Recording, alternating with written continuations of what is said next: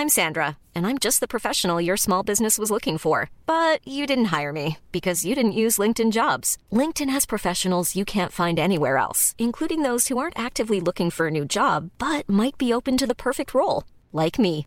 In a given month, over 70% of LinkedIn users don't visit other leading job sites. So if you're not looking on LinkedIn, you'll miss out on great candidates like Sandra. Start hiring professionals like a professional. Post your free job on linkedin.com/people today.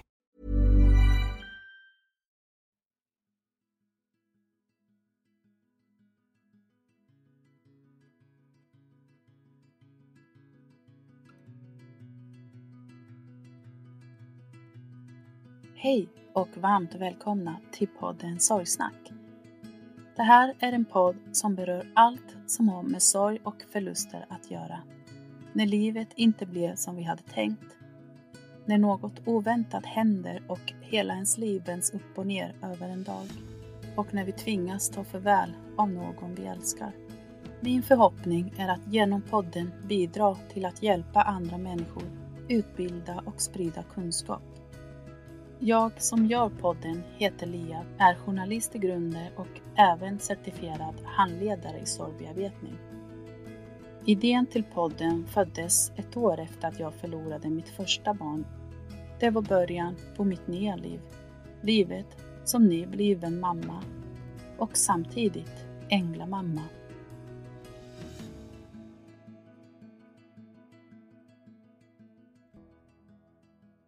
Hej och eh, välkomna till Sorgsnack.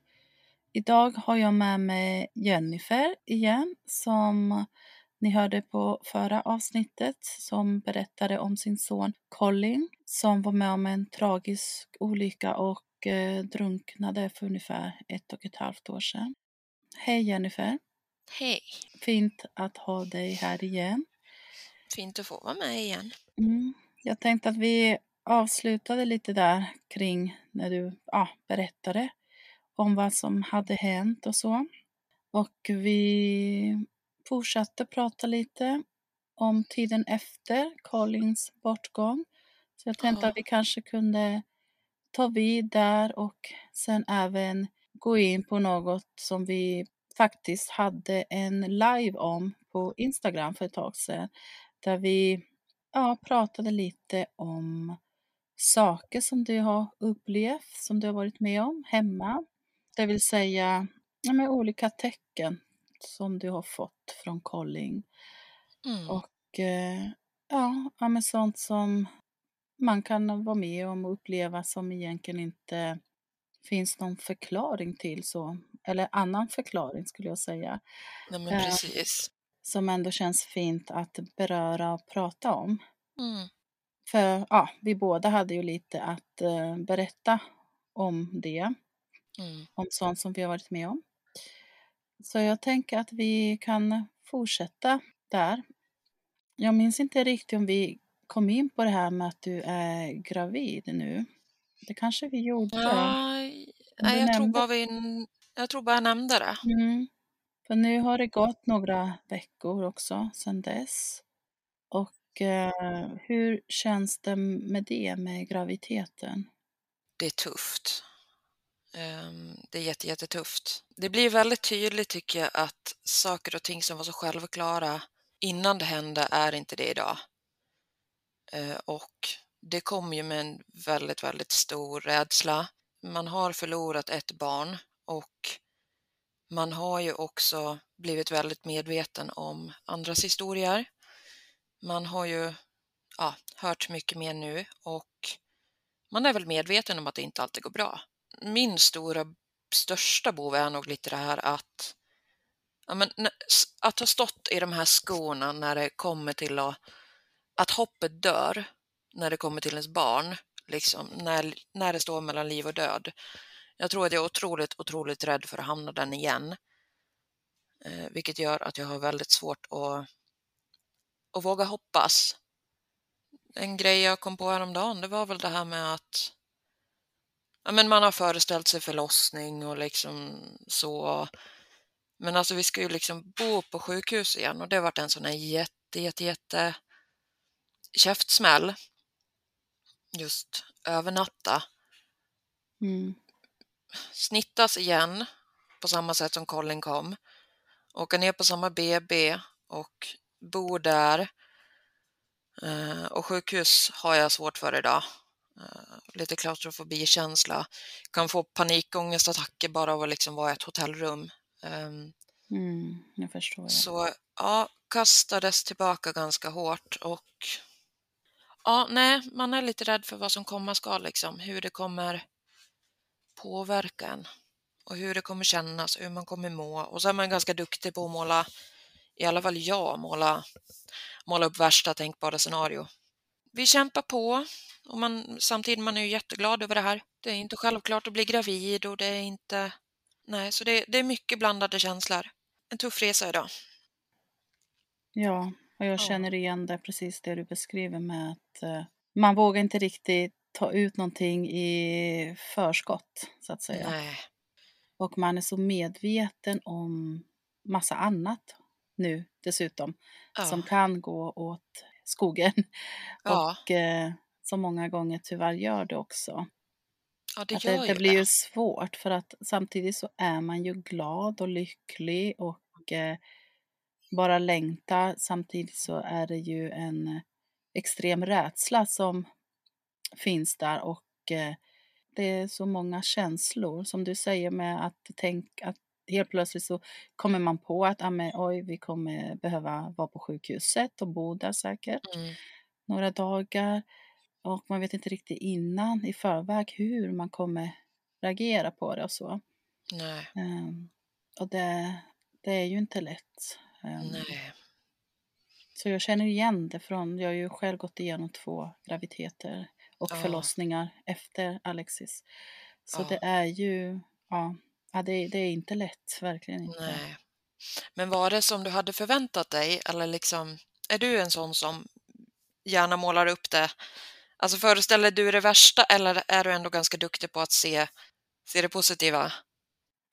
Ja, bra fråga. För nej, tyvärr inte kanske då så mycket som jag önskat att jag skulle varit mot, mot mig själv, utan jag är ännu mer åt det hållet att jag också föreställer mig det värsta för Mm. egen del. Katastroftänk liksom? Eh, ja, Ja. ja, det triggar ju igång direkt Mm. också, framför allt om, om det är olika ställen, man har ju olika triggers Mm. och eh, det kan vara allt från platser till eh, lukter till ja, med känslan och sådär. Och bara en sån sak att, eh, att vara gravid igen efter att man har förlorat någon. Ja. Ehm, ja, bara det skapar ju så många orosmoment och eh, för, även förväntningar, men just alla de här olika delmål. Så jag jobbade mycket med just att sätta upp delmål Ja. för mig själv, för graviditeten och för att jag överhuvudtaget skulle liksom orka och gå och vänta i nio månader.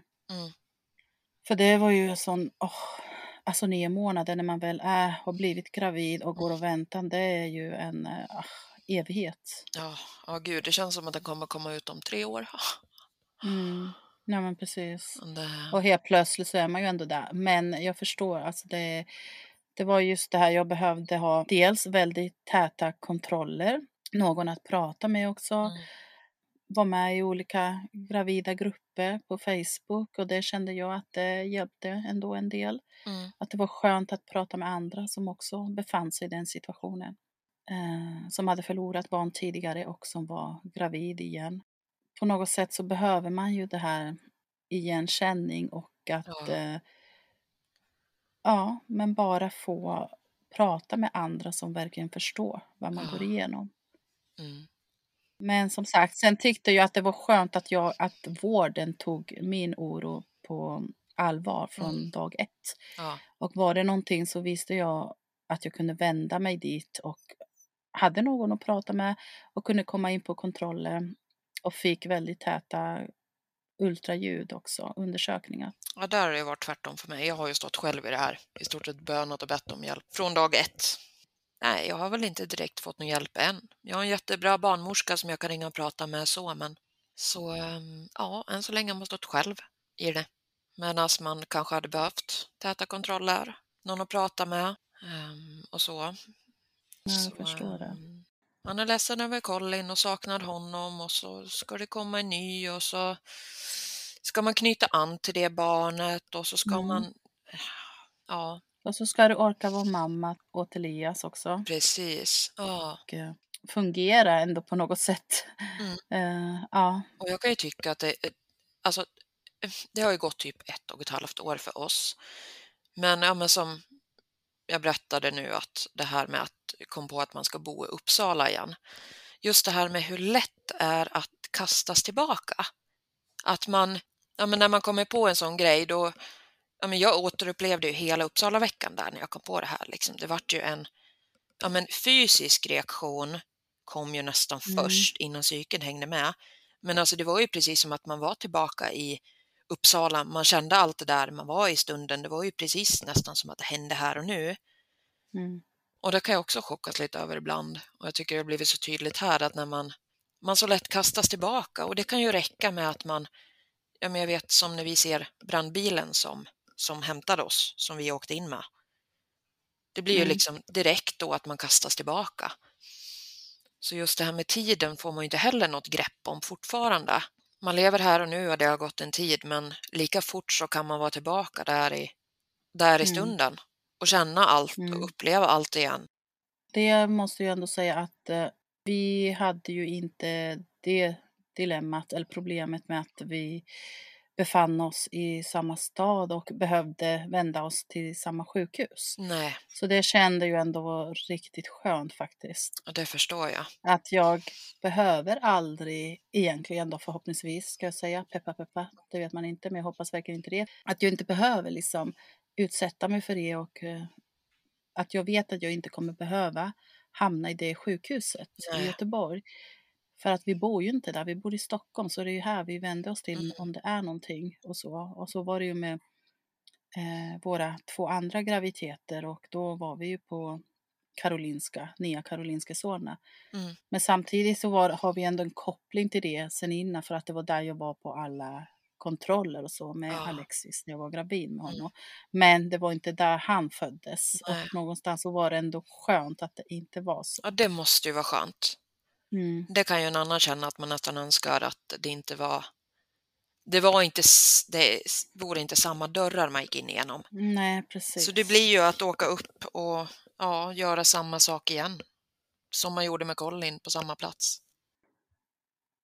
Ja, det är så märkligt eller så konstigt det här med liv och död. Att, ja, det är ju där man föds och eh, är också där man tar sina sista Mm. andetag på ett Mm. sjukhus.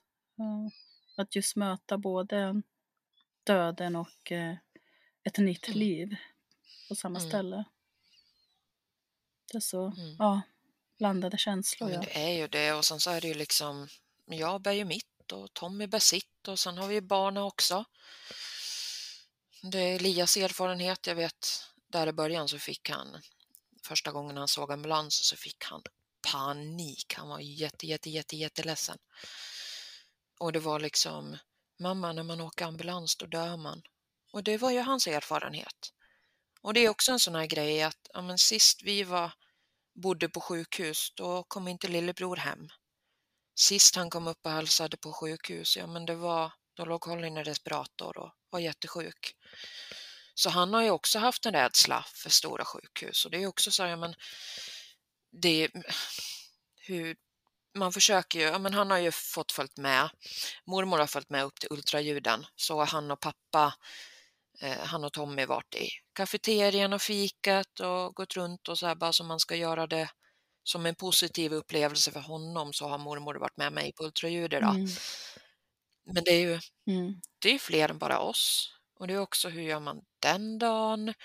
Vi kommer bli inlagda, hur kommer han reagera, hur kommer han känna, han ska orka och lita på det här. Så samtidigt, och det är väl egentligen genom hela resan, att man själv kommer ju aldrig först. Oavsett hur mycket man tänker och känner. Och det, barnen kommer ju alltid först och det gör de ju i det här också. Så det är också en svår bit kan jag känna. Elias är ändå fem nu och han, han är ju fortfarande liten men samtidigt förstår han ju mycket.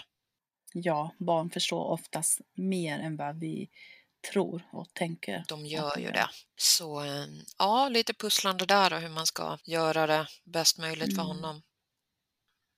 Men han förstår det här att det är en ny bebis på väg? Ja, det gör han. Han har ju pratat om att han vill ha en. Eh, en lillebror har han sagt jättelänge. Och det sa han redan när Colin fanns, att jag vill ha en till lillebror så.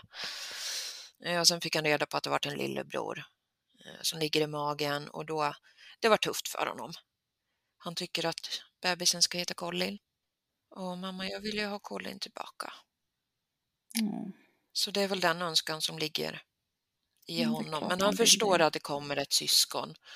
Men vi har ju också sagt det att du behöver inte vara glad över det här om du inte vill. Och det är okej okay att vara arg och det är okej okay att vara ledsen och det är till och med okej okay att inte tycka om bebisen. Just det här med att alla känslor måste vara tillåtna. Mm. Agnes tyckte också Precis. att det var lite, lite jobbigt dagen efter det när vi hade tagit reda på könet och kom det kapp henne lite grann. Att det, mm. det var en, samma fast olika liksom. Mm.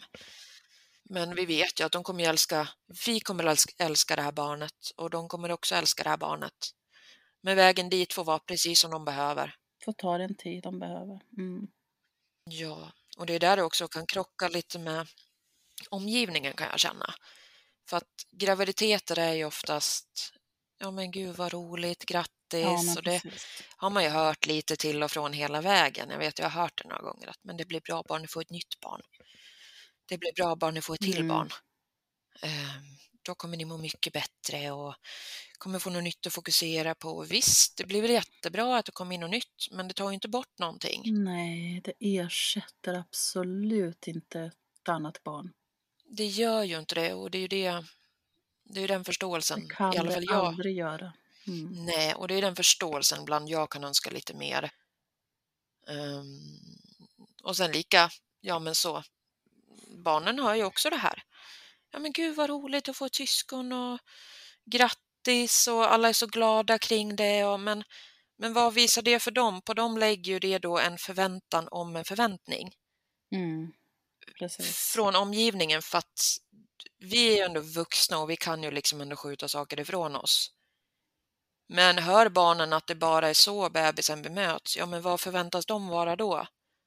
Glada? Mm. Och då kanske de inte vågar visa att de är ledsna. Man ställer, man precis, man ställer för höga krav ja. på dem.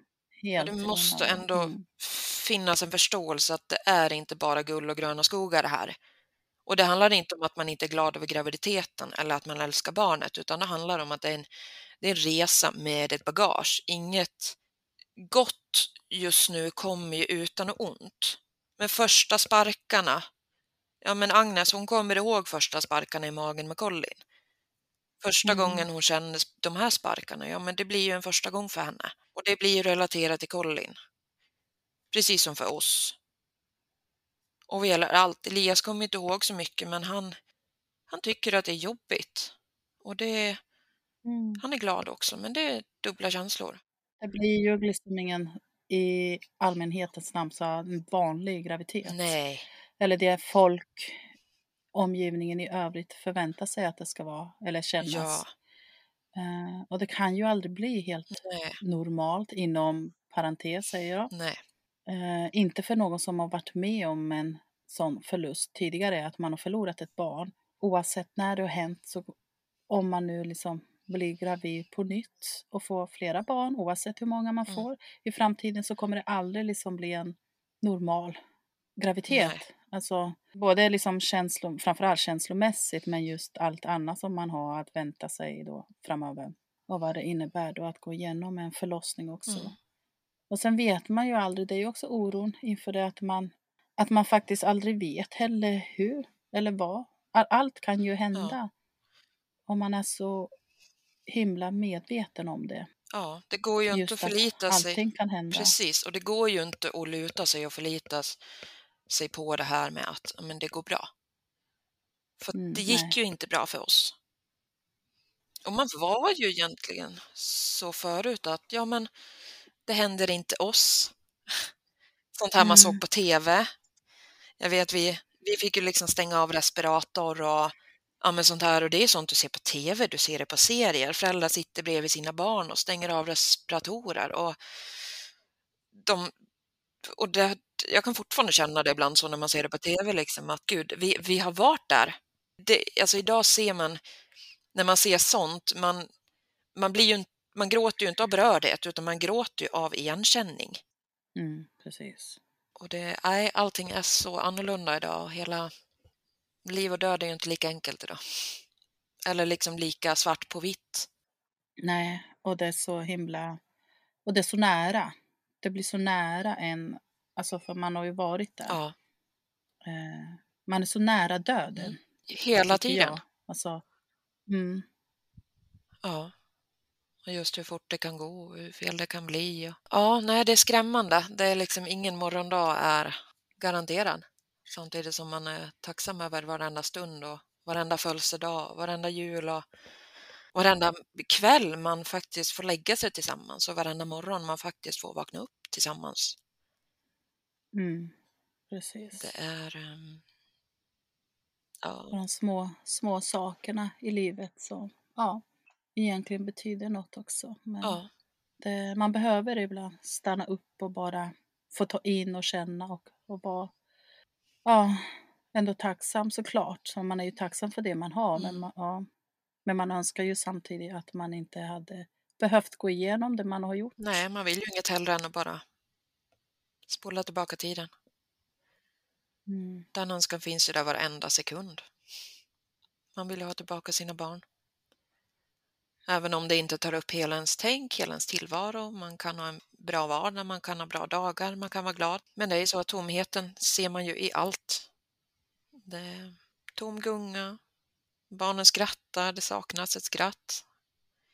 Det saknas ett ansikte, det saknas någon i bilen. Det, man ser ju allt. Apropå känslor och så. Ska du kanske gå in på lite av det som vi pratade om. Eh, den här liven som vi hade på Instagram om eh, olika tecken och, och sånt som du har varit med Mm. om. Ja, men precis. Ehm, vi har ju upplevt väldigt, väldigt, väldigt mycket och faktiskt även några runt om oss. En vän här som ehm, han var i stallet samtidigt som mig. Vi kom hem, jag kommer inte ihåg honom, men han tog bilen medan jag red upp och vi kom in på gården samtidigt så jag vet att han tog emot Tommy och Tommy föll ihop i hans armar och jag kommer inte ihåg honom, men han har ju sett Colin. Han är ju så här, ja, men känner mycket, ser mycket, mycket tok. Ehm, jag har ju hört honom flera gånger. Från ingenstans, man är själv hemma eller man är i sängen. Jag vet, jag var ute och målade i somras och så hör man bara det här, mamma. Med en röst som man, man skulle aldrig glömma den rösten. Mycket saker göms, flyttas på, eh, leksaker som kommer igång. Eh, faktiskt ganska så mycket andekontakt från andra också. Det kan vara vänner, det kan vara som bara ja, från ingenstans. Alltså jag måste bara höra av mig och då ja, men skriver de någonting som jag har fått bekräftat eller någonting som ehm, ja, jag vet inte, han, han är liksom runt men han, han är med, han är jättemycket med i perioder. Ena månaden så händer det någonting varje dag. Ehm, och det är ju har varit böcker som har flygit och det är Agnes har ju också hört fotsteg, såg honom sitta i sandlådan. Elias har ju upplevt mycket. De leker ju. De leker ofta kurragömma. Colin sover i sin säng varje natt. Sen kommer han in och lägger sig hos oss. Så han har ju varit väldigt, väldigt mycket med. Även lite konstigheter vi sett på kort, lite konstiga ljussken och lite... Alltså det... På ett sätt är det ju ett känsligt ämne att prata om för att det är så individuellt. Antingen så tror man ju eller så tror man inte. Mm, Och ehm, precis. Det gör man ju som man vill med, men det jag känner idag är ju att jag, jag väljer ju att tro och lita på det jag ser och det har varit så här att tvivlar jag, då går det en stund och då händer någonting igen liksom. Och tvivlar jag på det så händer det någonting igen. Så för mig har det ju mycket varit Mm. att någonting händer tills jag inte längre kan tvivla. För det är många gånger man kommer till det att nej men Mm. alltså, jag kan inte förklara bort det här. Han är väl lite lik sig nu som han var när han levde. Så. Och i våran värld så är det ju bara fint. Samtidigt som det är jobbigt ibland att han är så med. Um, Mm. Ibland, jag har ju nästan känt det som att han sitter i mitt knä ibland. Känt den här fysiska beröringen och får ju känslor som inte mina. Som jag beskrev i förra avsnittet där på fredagen. När han somnade i, Mm. när han eller jag skulle somna först. Det var inte mina känslor, utan det var hans. Och jag vet, um, läste, satt och läste journaler, jag begärde hem dem. Um, jag vet inte varför, det var väl dumt, men jag ville liksom veta så, få klarhet och förstå, gå igenom allting själv. Och jag har varit så himla ledsen mitt i och jag bara gick ut och satte mig och jag vet det var sommar och satt under stjärnhimlen och bara grät och grät och grät och grät och grät och helt förstörd. Och sen från ingenstans så efter 30 sekunder så sitter jag och ler och känner mig lycklig och varm och glad och bara känner en tyngd på mina ben liksom. Och det var ju det mediumet sa sist också, just att han, han brukar sitta i ditt knä Eh, och det har jag ju både fysiskt och känslomässigt känt eh, Mm. av. Vilket, ja men det är jättefint men det blir också att ibland, han blir så nära. Alltså han, Mm. han, han är ju här men jag kan inte ta på honom. Han blir så nära och då blir han också ännu längre bort på något sätt. Mm. Ja, just det, för du hade ju träffat ett medium som Precis. ja, Mm. kom fram till lite olika saker som har hänt. Ja, nu har det ju Mm. gått några veckor sedan dess. Och man har ju hunnit landa Mm. lite när vi pratade om det. Då tror jag bara jag hade varit där fyra dagar innan eller vad det var. Mm, ja, precis. Men hur var det Det mötet? var jätte, jättefint. Hon, eh, hon hade ju inte en aning om vem jag var och det var ju det som också var lite skönt. Jag, jag fick en nys om henne genom en kompis, eh, så jag bara skrev till henne att hej, eh, jag skulle vilja komma på en sittning hos dig eller vad det heter. Eh, och allt jag skrev var att jag har en nära anhörig som gick bort för ett tag sedan och främst skulle jag vilja, vilja se om det går att få någon kontakt där. Mm. Så ja, Fick ni kontakt? vi fick kontakt. Vi fick kontakt med både Colin och morfar. Eh, och hon visste ju absolut ingenting överhuvudtaget. Och eh, det första hon frågar, alltså vi har inte pratat om barn, vi har inte pratat någonting. Hon hade gjort lite vägledning och hon sa det, ja men jag ser att du behöver det. Och det var ju mycket att ja, men det har gått igenom något tungt och livet har satts lite på paus och lite så här. Och... Men så från ingenstans så kommer frågan att, ja men hur gammal är din yngsta son? Och hon vet inte att jag har barn, hon vet inte kön på barn, att jag har flera barn, hon vet att jag har ett barn i Mm. magen. Jag bara, ja men han skulle ha blivit tre. Hon sa skulle ha blivit och jag sa att ja, hon sa men då är det han jag har med mig. Ehm, han ville Mm. väl inte att vi skulle känna skuld. Han sa att han, ehm, han visste att han skulle inte vara här längre. Eh, det var väl en av de grejerna som han varit ganska ställd över. Men kring det som hände så har vi det, det, det var så mycket konstigt omkring som hände. Det var liksom, jag vet han han träffa, vi har släktingar i Dubai och vi har släktingar från England. Ehm, och under veckan innan han försvann så hann han träffa alla han inte hade träffat. Ehm, det var, ja, men det var mycket som hände som man har varit så här, men det har liksom, det har nästan känts planerat. Både jag och flera stycken har sagt att det är så många små grejer som föll sig så jättekonstigt. Det var liksom, men vad, vad, är, vad är oddsen att just det liksom? Hon beskrev honom. Mm. Eh, Hon sa det att hon hörde det pärlande skrattet. Hon såg hans lilla näsa som var lik min. Glädje. Han hade ju en skärm och han fick ju, ja, han satte sig hos människor. Hon sa det att han levde, han tog ju vara på allting i livet. Varenda sekund. Han var så otroligt levande och hon sa väl det att han, han visste att hans tid där inte skulle bli lång så han tog vara på varenda sekund och jag har aldrig varit med om ett så levande barn som han. Um, Mm. på något sätt. Jag kan inte riktigt förklara det. Men ehm, nej, så det var väl det hon sa och eh, sen sa hon att han kände sig ju trygg och omhändertagen på sjukhuset under den tiden. Och hon visste först inte om vad som hade hänt utan hon sa det att men han hade ont och då visade hon uppåt bröstet och magen och så här. Ehm, men han, hon sa det att han, han ville vara stark och han ville vara tapper och så här och han ville liksom Eh, och sen mm. frågade hon att, men hur hände det efter en stund när vi hade pratat lite till och då förklarade jag, hon sa det, men då var det, och han hade ju lunginflammation och ett fruktansvärt högt infektionsvärde. Um, och då förklarade hon att det var ju den känslan jag kände. Hon berättade att han var inte mm. rädd när han skulle gå över, utan uh, han sa det att, eller hon sa det att just nu säger han det att mamma och gammelmorfar väntade på mig där. Morfar tog emot mig han sa att vi, vi kommer ses igen och han sa att han har det bra. Eh, han eh, var otroligt glad över eh, den kärleken han fick när han var här.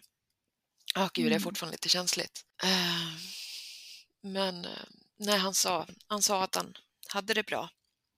Eh, jag kommer inte ihåg, det var mycket som mm. kom fram. Jag vet sist vi pratade om det skrev jag ner det, men det här är väl en del av det som kom fram.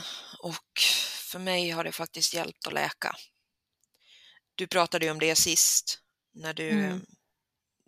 du och jag pratade om det att båda två har ju fått till oss det här att barnen vill hem. Eller, mm. ja, så. Um, jag har ju fått det till mig förut att men, mamma, jag, jag vill hem. Jag, jag vill bygga bil, mm. jag vill pussas och kramas igen. Ett ljus kring honom men också ett mörker.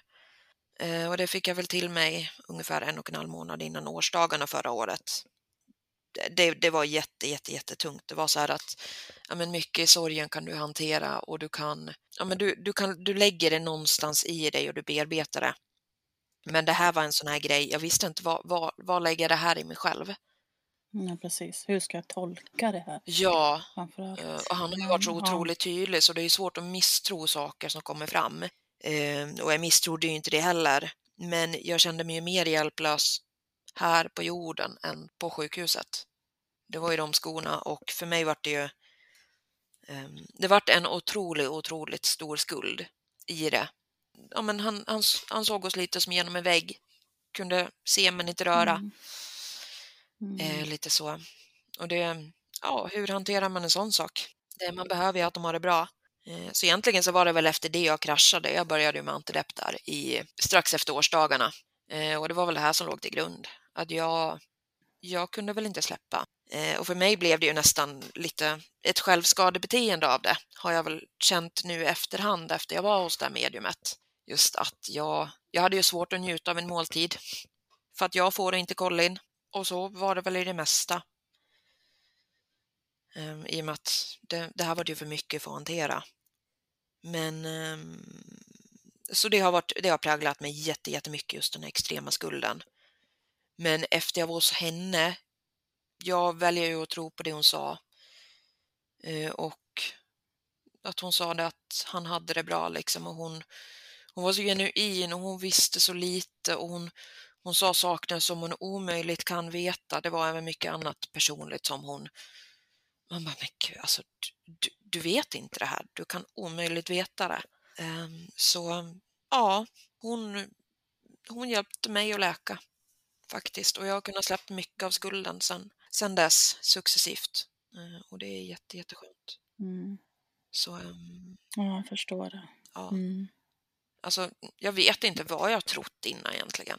Jag har väl trott att det finns något mer, men ändå så man har ju inte varit säker. Men Nej. idag behöver man ju att... Det är ju så ja, men det är ju det och det går ju inte att ta på och egentligen så är det ju rätt luddigt. Och samtidigt så vet man med sig att ja, men har jag upplevt det här, mm. har jag varit med om det här och det är liksom så att det finns ingen annan logisk Nej. förklaring eller det är ingen annan som har varit där, det vet ja. jag. För att jag har varit helt ensam till exempel så jag är 100% säker på det så då vet man liksom att ja, nu händer det här och eh, ja, det finns ingen förklaring Nej. till det än det jag ser och såg. Och då väljer jag att tro på det mm. jag såg. Ja, men det är samma här, när det inte finns någon annan förklaring. Och det fick jag faktiskt också till mig att du ska tro på det du känner. Och jag förklarar ju lite grann mm. när kollen kommer så får jag en... Eh, det börjar sticka i lillfingrarna och jag känner hur jag får ökad puls. För jag sa det att ibland är det så konstigt, jag tror att det är kollen som kommer då, men sticker i lillfingrarna och det har det gjort från början och sen blir jag, jag får hög puls och från ingenstans så jag känner mig varm om ena handen och jag känner mig rörd inombords och jag kan börja gråta. Jag är inte ledsen utan det är bara en kärlek som jag inte kan beskriva. Eh, och då sa hon att exakt det du beskriver, det här med hjärtklappningen och känslan och det är så jag känner när jag får andekontakt. Eh, det är precis med samma känslor det kommer. Så det var jätte, jätteskönt, för där fick jag verkligen en bekräftelse att okej, okay, jag har trott det många gånger men hjärnan letar efter logiska förklaringar. Men eh, hon gjorde mig också helt övertygad om att det är det Colin jag känner. Så det var också jätteskönt. Men du var ju också till ett medium förut. Ja, men nu var det ett tag sedan faktiskt, för det här var mm. april 2019 som jag var och eh, Alexis gick ju bort mm. i juni 2018. Så det hade ju inte riktigt gått ett år än, men eh, då var jag gravid med Eileen också och eh, det var ja, nej men ganska tidigt ändå. Jag tror att det var så två månader eller något. Nej, inte, kanske inte ens så mycket då. Men hur som helst, vi visste inte vad det var. Eh, om det var en flicka eller pojke heller. Och det här mediumen som jag träffade, ja den personen visste ju inte någonting om mig innan heller. Utan, ja det var ju första gången vi sågs då och eh, det enda han frågade det var stjärntecken och eh, ålder. Och sen så började han att ja, men berätta massa om mig och saker som stämde till 110 procent. Eh, och om eh, min familj och eh, släkt och farmor och farfar och mina syskon och mitt jobb framför allt. Ehm, som han helt omöjligt. Nej men alltså, han kunde ju inte vetat om det. Och sen så fick han då eller vi fick då när vi satt där besök av min farmor som visade sig eh, för honom då och, och sen även då efter ett tag så han fick kontakt med Alexis. Men han nämnde ju också det att det är lite skillnad, eller vad man ska säga, att det är inte riktigt samma sak när det är en person som har levt ja, men levt sitt liv och haft ett långt liv och, och så och hunnit med mycket och gjort mycket. Eh, när man dör, när man är gammal då, som min farmor var ju ändå ja, med 80 mm, plus i alla fall. Då har man ju haft ett liv liksom. De har ju levt. Ja, så han, han sa det på något sätt att det var att hon befann sig liksom på en annan nivå än vad han gjorde. Eh, mm. Där han var. Att han var inte på samma ställe där hon var så. Och eh, att det han hade fått till sig var också, som jag tyckte för sig var väl, väldigt jobbigt, att få höra där och då att eh, Alexis ville komma tillbaka. Men eh, att jag var inte redo för det än. Än. Nej. Mm. Och hur tolkar man det? Att, sen sa han också att men han vill komma tillbaka men du måste släppa taget om honom först. Och vad menar man med det? Ja. Mm. mm. Men du frågade ingenting då om vad han... Nej, Nej alltså jag blev så ställd. Och det här var nästan typ mm. det sista som han sa också. Ja, ja. ja men eh, det blev en ja. Eh, cliffhanger kan det man ju lätt jag. säga. um, to mm. be continued. Men jag hade önskat så här i efterhand så, för jag har ju tänkt så mycket på det och jag gjorde det ah. direkt efteråt när jag kom ut därifrån också. Men oh. alltså, jag, jag, jag, blev så ställd. Jag, mm. jag hamnade i chock på något sätt så jag kunde inte få fram några ord. Eh, det enda jag gjorde var faktiskt, ja. men jo, jag började gråta, det gjorde Såklart. jag. När jag gick därifrån. Ja. För att jag blev så berörd liksom och inte egentligen bara av det som han sa men utan allt annat som kom fram och så med min farmor och mitt jobb och tidigare vad som har hänt innan i mitt liv och sådär. Eh, att det var, det var så mycket, så många känslor, så mycket att bearbeta på en och samma gång. Nej, så jag ställde inte några följdfrågor. Det skulle jag ha gjort såklart så, men ja, jag vet inte. Samtidigt så ja, men, ja, alla de här tankarna som jag hade i och med att jag var gravid och oh. de känslorna Och det var Ja. så mycket, ja. Så det jag gjorde däremot, det var att så fort jag gick därifrån så skrev jag ner allting som sades. Allt han kom fram till, just för att jag skulle inte glömma bort någonting. Eh, det kändes viktigt liksom att ha Och det blir ju så mycket som kommer en sån Ja. gång. Mm. Och just för att jag själv också inte skulle glömma bort det så Nej. var det viktigt för mig liksom att skriva ner allting. Mm. Men eh, ja, men det var absolut ett fint möte och sådär. Eh, Mm. det, det var första gången för mig också eh, som jag gick till ett medium. Ja. Och sen har jag väl, ja jo absolut, jag har ju funderat på det, att eh, göra det igen. Och samtidigt så vet jag inte, jag känner någonstans lite så här, vågar jag, vågar jag inte? Lite det här, Ja. ja, vad kommer komma fram nu? För ibland får jag lite Är du så här, rädd för något specifikt ska komma fram? Är det någonting du är så här, tänk om det kommer fram? nej men jag vet inte. Jag tror nu att jag föreställer mig någonstans, nu, nu har vi liksom Eileen och så har vi Theodor som kom för ett och ett halvt år Mm. sedan. Och jag vet att jag nämnde för dig också och eh, för andra att eh, ibland så när jag tittar på honom så är det som att det är verkligen så en kopia av Alexis. Framförallt när han var ännu mindre då när han föddes och sådär och hur lik Mm. han är honom. Och jag som jag föreställer mig också att men så här skulle Alexis också sett ut. Eh, Ja. Och det är det du ser ja, i stort sett? ja. Mm. Och någonstans så ligger det här i bakhuvudet att han sa just att ja, men, ni kommer få en flicka och sen kommer ni få en pojke. Och Mm. visst, ändå sa 50 procent att han gissar rätt eller fel. Men eh, det stämde ju liksom en flicka, en pojke. Och sen så fastnade ju det där att han ändå nämnde det här med att men han vill komma tillbaka. Mm. Men Och det lät ju på honom som att han kommer, han kommer komma tillbaka på något sätt när du är redo. ja, ja men precis. Det är ju så man, Ja. ja, om man ska tolka jag, det jag vet inte, för nej, alltså jag vet inte om jag skulle säga att men, jo, men när, när blir man redo? Eller när blir man redo? Och eh, ja, hur vet man det? Hur visar det Ah. sig? Och vad är egentligen att släppa taget om någon som man har förlorat och saknar och Ja. älskar? Alltså det går ju inte. Alltså så, jag har alltid tänkt i min värld så går det ju inte och varför ska jag ens behöva släppa taget? Det är en annan sak att liksom man förstår liksom att eh, ja, men kä- kärleken får ju en annan skepnad och eh, man bevarar ju den här personen inom sig för alltid i sitt Ja. Man bär ju med sig den personen och eh, men man släpper ju aldrig taget skulle jag säga. Nej, och det Eh, vill man ju inte göra Nej, heller. precis. Sen tror ju inte heller att han menar att jag ska glömma honom och gå vidare, inte så. Nej. Men det är ändå, Men det blir ju en sån tolkningsfråga.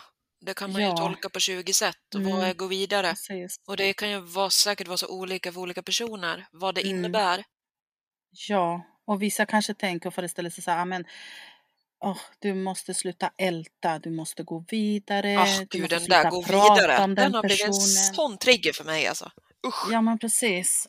Och jag tror absolut inte heller att det var så han menade, men det kanske är så det uppfattas för andra och det vill ju inte heller att det ska göra. Men nej, jag vet inte. Men nej. visst, det hade ju varit spännande att eh, träffa ett medium igen. Eh, Mm. ja, bara för att se om någonting annat som dyker upp eller Ja, om det skulle vara annorlunda. Ja.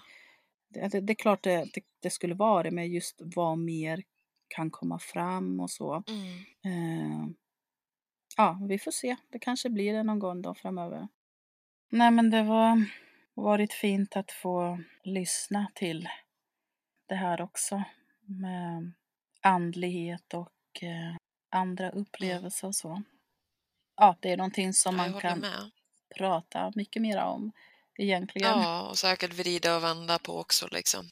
Men man har väl sin tro utifrån vad man behöver idag.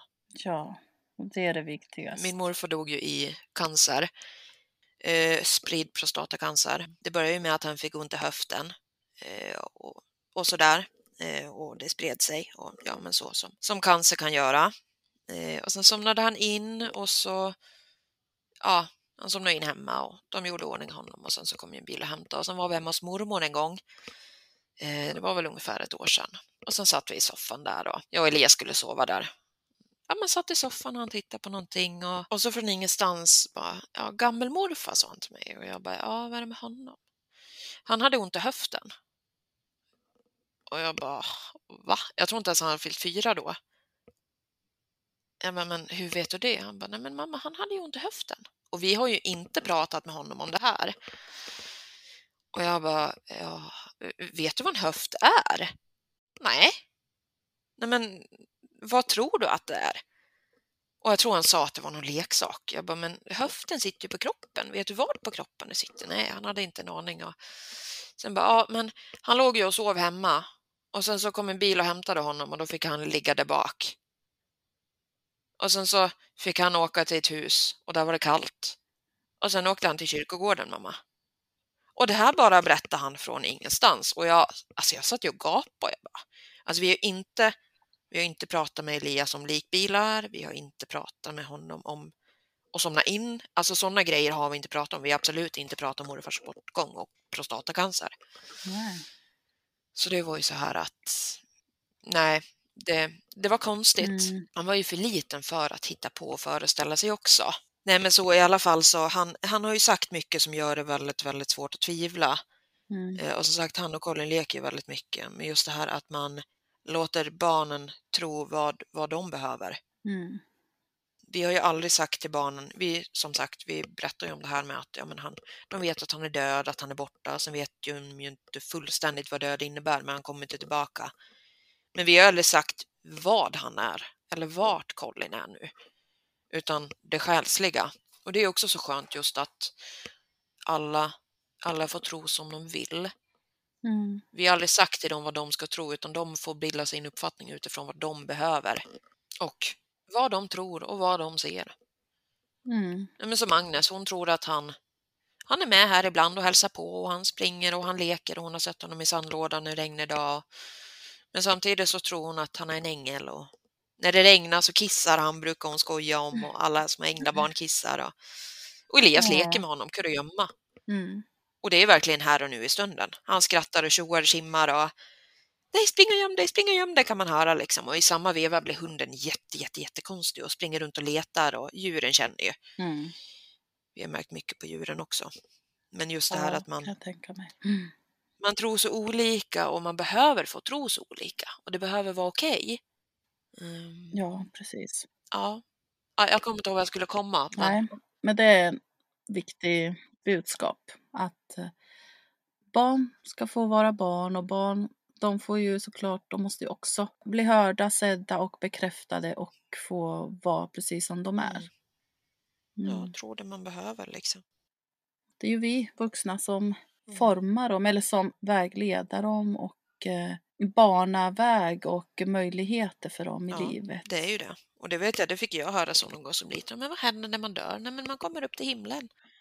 Och det är ju fint om man väljer att tro det, men det är just det här att man ska få tro det själv då. Precis. Alltså idag, för mig hade det ju, jag hade ju inte mått bäst av, ja men säg med Colin, om jag hade trott på att man kommer upp till himlen. Jag mår ju bättre av att tro på att han är med. Mm. Men där skapar man ju också sitt eget när man är vuxen, är trygg nog att göra det. Men som barn så, men det är som du säger, vi formar ju dem. Mm. Och de tar ju efter. Ja men precis. Och just det här att det är så viktigt att prata om det, prata om det svåra för att mm. ja, men, du och jag är ju säkert uppväxta med att ha föräldrar som kanske inte pratar så mycket Nej. om sådana här saker. Det var verkligen liksom locket på förut. Och det är därför det är så viktigt att våga prata om det svåra och prata om döden mm. och sådär. Att visa att det är okej, okay, att det inte ska vara Nej. tabubelagt. Och att man inte förskönar. Ja, precis. Man är ärlig liksom. Och att man, man vågar vara det. Ja.